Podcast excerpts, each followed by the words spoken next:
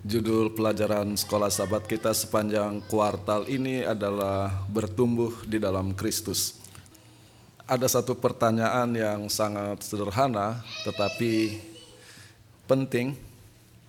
Kalau bukan Kristus yang bertumbuh, siapa? Kita bertumbuh di dalam apa?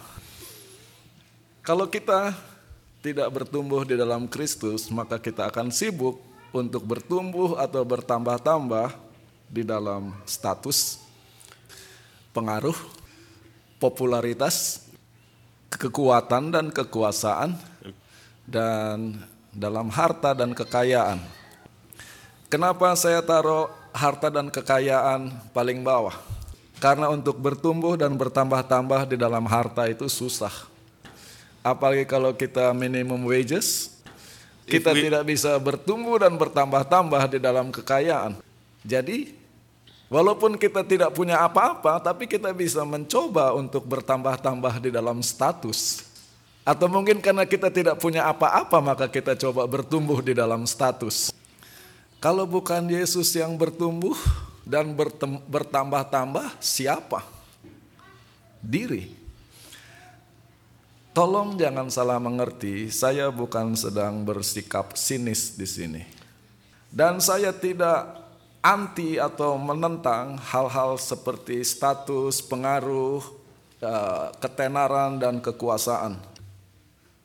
Di dalam Alkitab ada satu nasihat yang sangat penting. Di buku Mazmur dan di buku Amsal diulang-ulangi bahwa takut akan Tuhan adalah permulaan hikmat. Tapi saya lebih suka versi buku Ayub dibandingkan Mazmur atau Amsal. Karena di dalam buku Ayub dikatakan takut akan Tuhan adalah hikmat, bukan permulaan hikmat. Jadi kalau orang sampai takut akan Tuhan, di situlah hikmat kebijaksanaan. Menjauhi yang jahat, itulah pengertian. Kalau kita sudah Takut akan Tuhan artinya membiarkan Tuhan bertumbuh dan berkembang di dalam hidup kita. Itulah hikmat. Dan kalau orang sudah memiliki hikmat dan pengertian, keuntungannya lebih daripada perak dan emas, lebih berharga daripada permata. Ada kekayaan dan kehormatan di situ. Jadi Alkitab tidak menentang orang jadi kaya. Alkitab tidak menentang orang jadi dihormati. Yang jadi masalah adalah struktur prioritas. Kalau kita mau bertumbuh di dalam status, pengaruh, kekuatan, kekuasaan tanpa takut akan Tuhan, itu cuma bikin kacau. Tetapi kalau kita takut akan Tuhan, dan bertumbuh di dalam segala hal ini, semuanya itu akan jadi berkat terhadap kita dan terhadap orang-orang di sekitar kita. Ini adalah uh, theoretical framework, maka saya akan kasih contoh cerita yang sangat sederhana di Alkitab. Sebagai orang Advent kita sangat akrab dengan buku Daniel. Dan bagi kebanyakan orang begitu mendengar buku Daniel, yang datang berikutnya adalah tanduk kecil.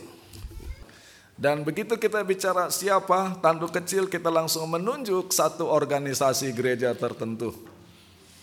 Saya akan kasih tunjuk sebetulnya akar dari masalah tanduk kecil itu apa. Dan hal ini bisa kita lihat dari pengalaman seseorang. Daniel 5 ayat 1 dan 2. Raja Belsasar mengadakan perjamuan yang besar untuk para pembesarnya. Seribu orang jumlahnya dan di hadapan seribu orang itu ia minum-minum anggur. Dalam kemabukan anggur, Belsasar menitahkan orang membawa perkakas dari emas dan perak yang telah diambil oleh Nebukadnezar, ayahnya, dari dalam bait suci di Yerusalem supaya raja dan para pembesarnya, para istri dan para gundik mereka minum dari perkakas itu. Kita ketahui dengan sangat baik bahwa dengan melakukan hal ini, Belsasar berdosa melawan Tuhan. Hal ini disampaikan oleh buku Daniel sendiri. Dikatakan setelah Belsasar minum anggur menggunakan perkakas Ka'bah, tuanku Belsasar meninggikan diri terhadap yang berkuasa di sorga. Jadi dikatakan bahwa Belsasar sedang melawan atau menantang Tuhan. Tapi kita perlu ingat bahwa ini adalah kata-kata Daniel. Daniel mengatakan bahwa Belsasar sedang melawan Tuhan. Apakah Belsasar tahu bahwa dia sedang melawan Tuhan? Apakah dengan minum anggur dari perkakas Ka'bah memang Belsasar sedang menantang Tuhan? Ada satu pertanyaan sederhana di dalam cerita ini yang perlu kita pertanyakan. Kalau memang Belsasar sedang mau menantang Tuhan dengan minum anggur dari perkakas Ka'bah, kenapa ketika muncul tulisan di dinding dia kaget? Kalau memang dia sedang melawan Tuhan, dia tunggu mana Tuhan yang mau muncul. Dan kalau Tuhan muncul, dia akan lihat Tuhan sudah turun, saya mau lawan dia. Kenyataan bahwa Ketika muncul jari menulis di dinding, Belsasar kaget dan ketakutan menunjukkan bahwa dia tidak tahu bahwa dia sedang melawan Tuhan. Daniel katakan dia melawan Tuhan. Belsasar tidak tahu bahwa dia sedang melawan Tuhan. Jadi sebetulnya apa yang ada di pikiran Belsasar ketika melakukan hal ini? Kita baca pelan-pelan Daniel 5 ayat 2 dan 3. Ini yang disebut Bible study yaitu kita baca Alkitab pelan-pelan. Karena sering kali yang namanya Bible study adalah adu kutipan Nyonya White. I'm not against that, but that is not Bible study. Kalau saudara lihat Daniel 5 ayat 2 dan 3 isinya hampir sama persis.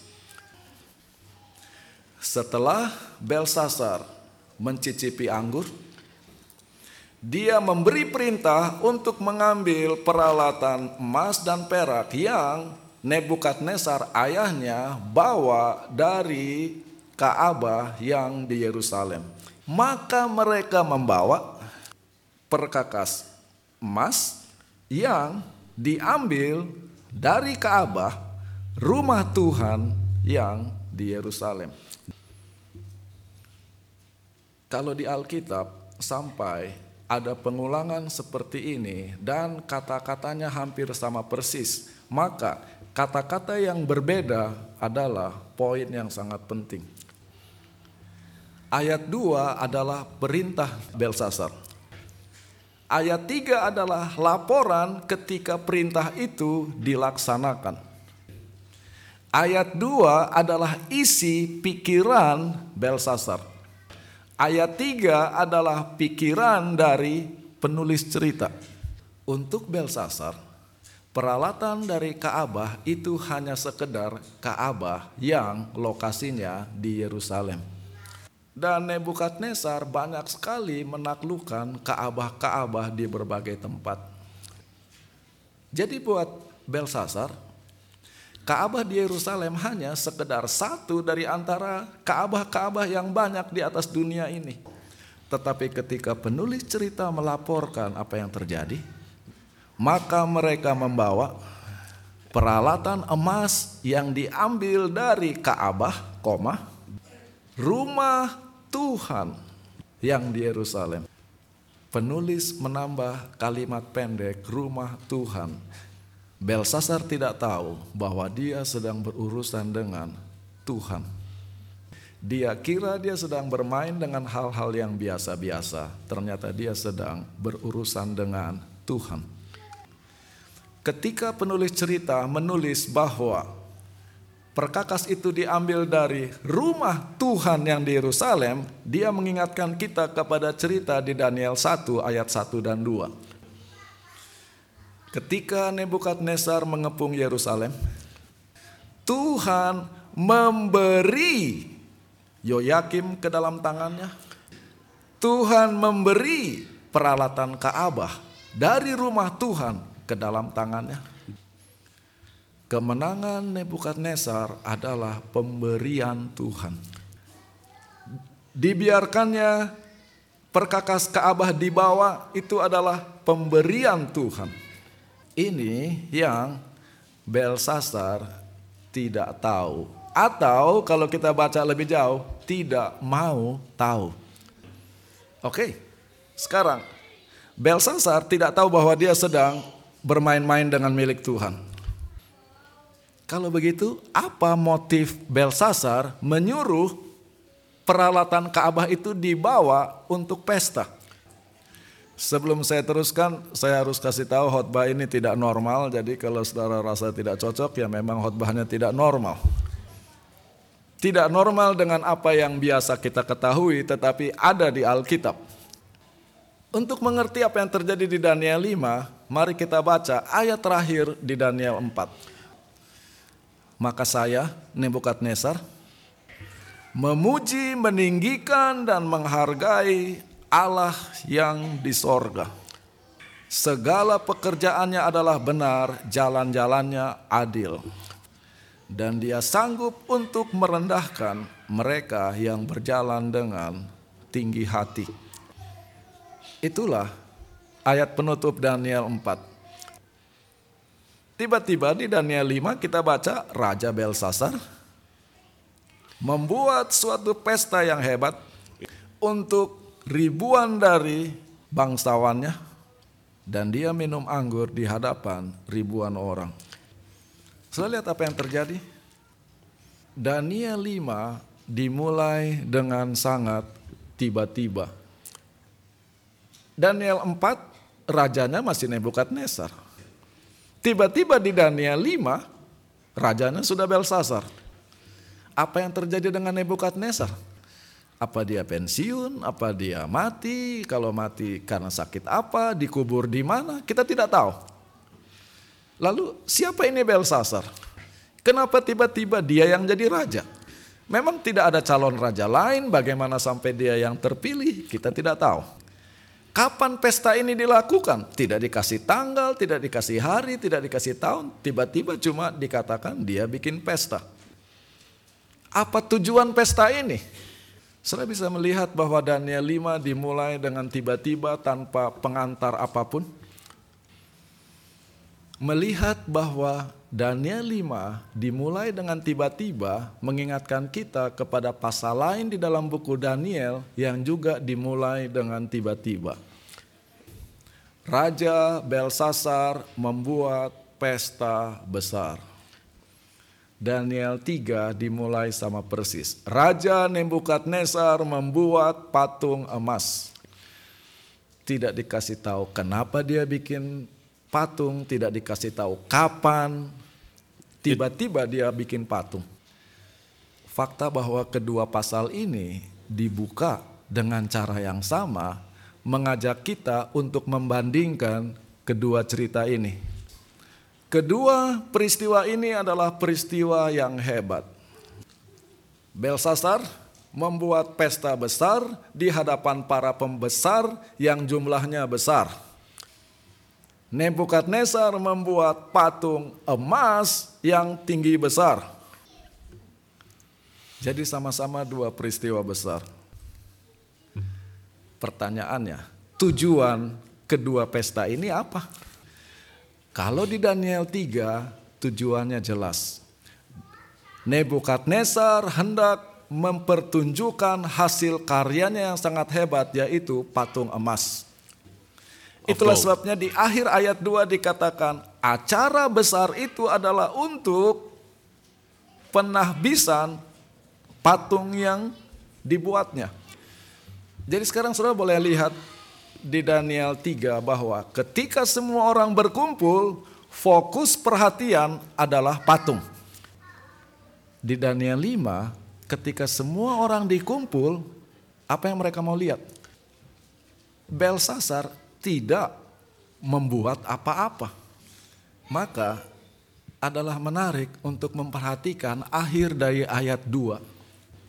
dikatakan maka raja dan pembesarnya dan istri-istrinya dan gundik-gundiknya bisa minum dari dalamnya. Kalau sudah lihat Alkitab bahasa Indonesia, terjemahannya agak membuat mengaburkan.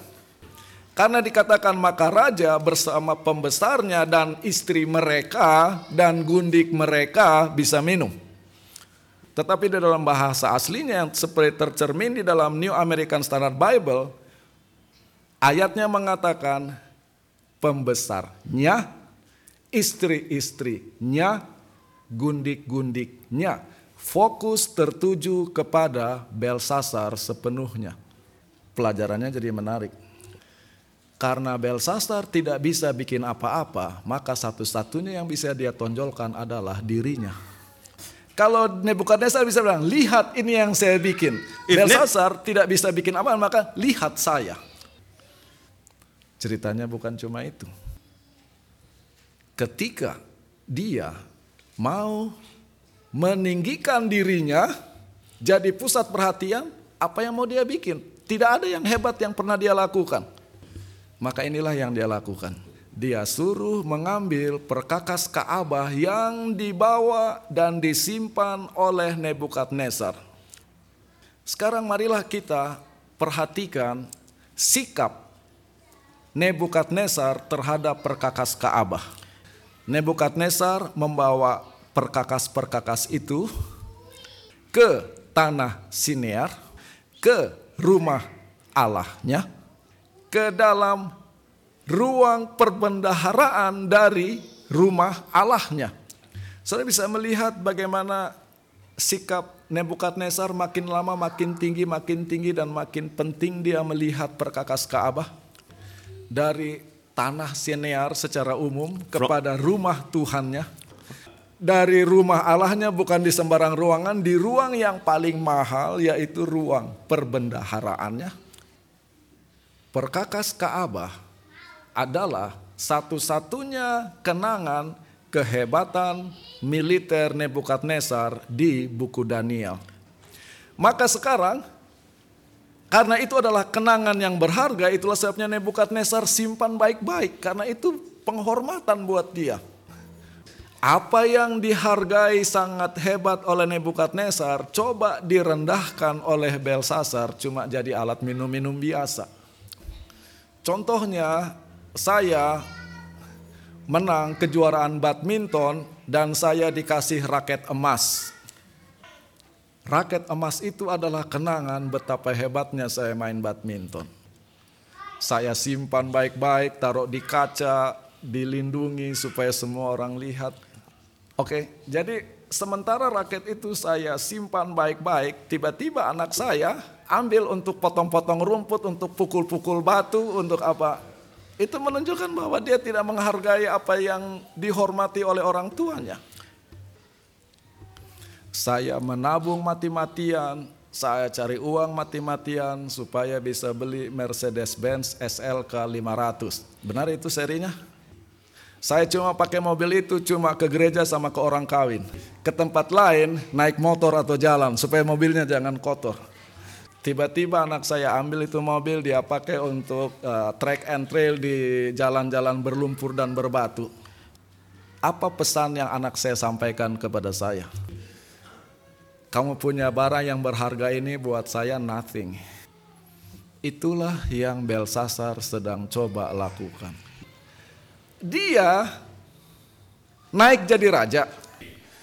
Tapi dia di bawah bayang-bayang kehebatan Nebukadnezar. Supaya dia bisa lebih hebat dari Nebukadnezar, dia rendahkan hal-hal yang berharga buat Nebukadnezar. Menunjukkan saya lebih hebat dari Nebukadnezar.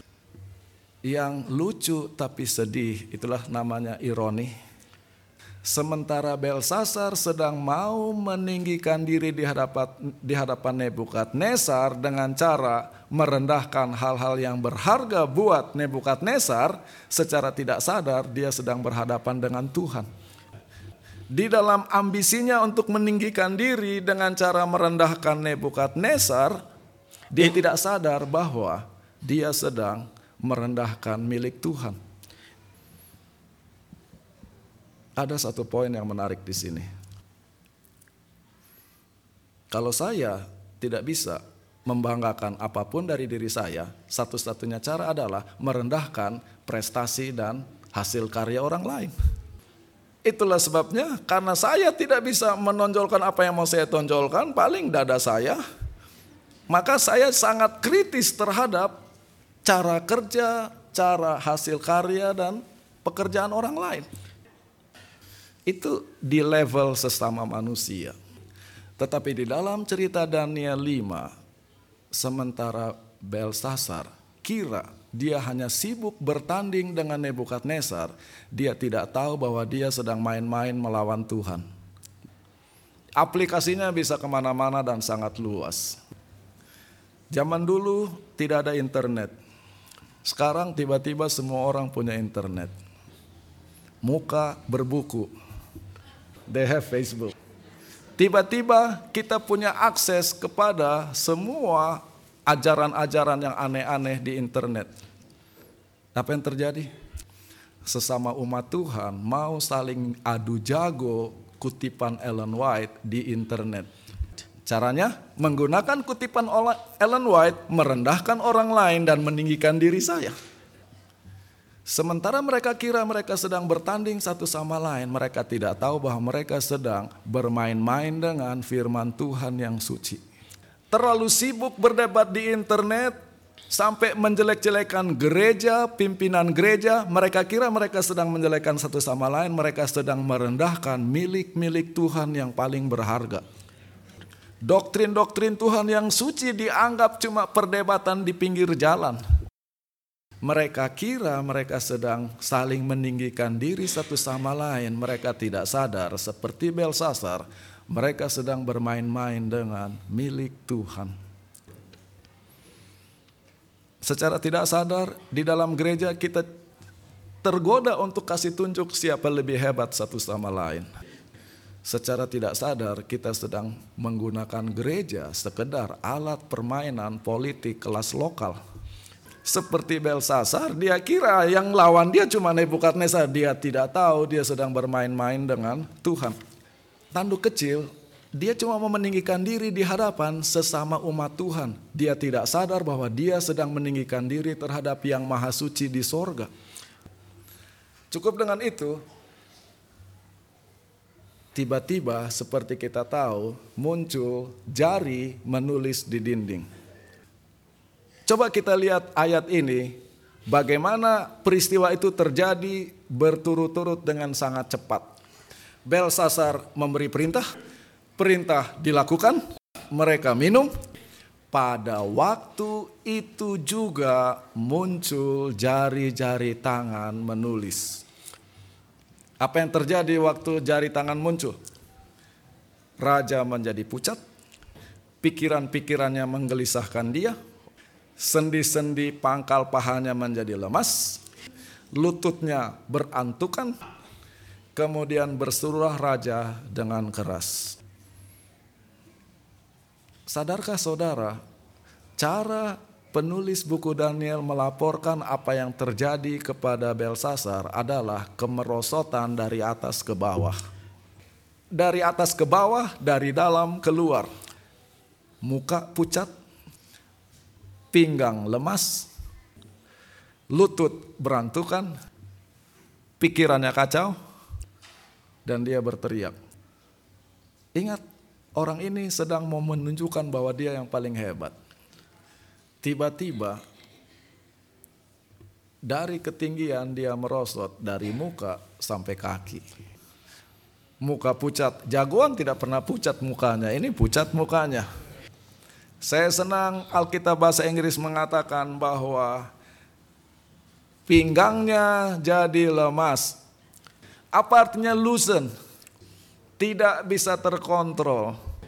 Kalau saudara tidak bisa kontrol pinggang, apa yang terjadi? Semua yang di sekitar pinggang keluar semua. Itulah yang dimaksud Alkitab. Tiba-tiba banjir di situ dan dia dia mau dia mau duduk, pinggangnya sudah lemas, tidak bisa duduk. Dia coba berdiri, lututnya terlalu gemetar untuk berdiri, dia tidak bisa berdiri. Gantinya dia menjulang ke atas, justru dia merosot ke bawah. Pikirannya stres. Nebukadnezar suka stres, tetapi dia diam kalau stres. Ini langsung berteriak-teriak. Dalam bahasa Inggris kata cry bisa diterjemahkan berteriak, bisa diterjemahkan menangis. Mungkin dia menangis teriak-teriak. Maka terjadi ironi di sini. Belsasar mau menganggap remeh prestasi militer dari Nebukadnezar. Nebukadnezar memang jenderal hebat. Sekarang dia mau meremehkan prestasi Nebukadnezar. Baru ada jari menulis di dinding sudah stres seperti begini. Gimana kalau perang betulan? Yang anehnya lagi, jarinya itu tidak menyerang dia. Di film kungfu bisa jari serang-serang orang. Ini jarinya cuma tulis di dinding, dia sudah teriak-teriak. Gimana kalau diserang jari?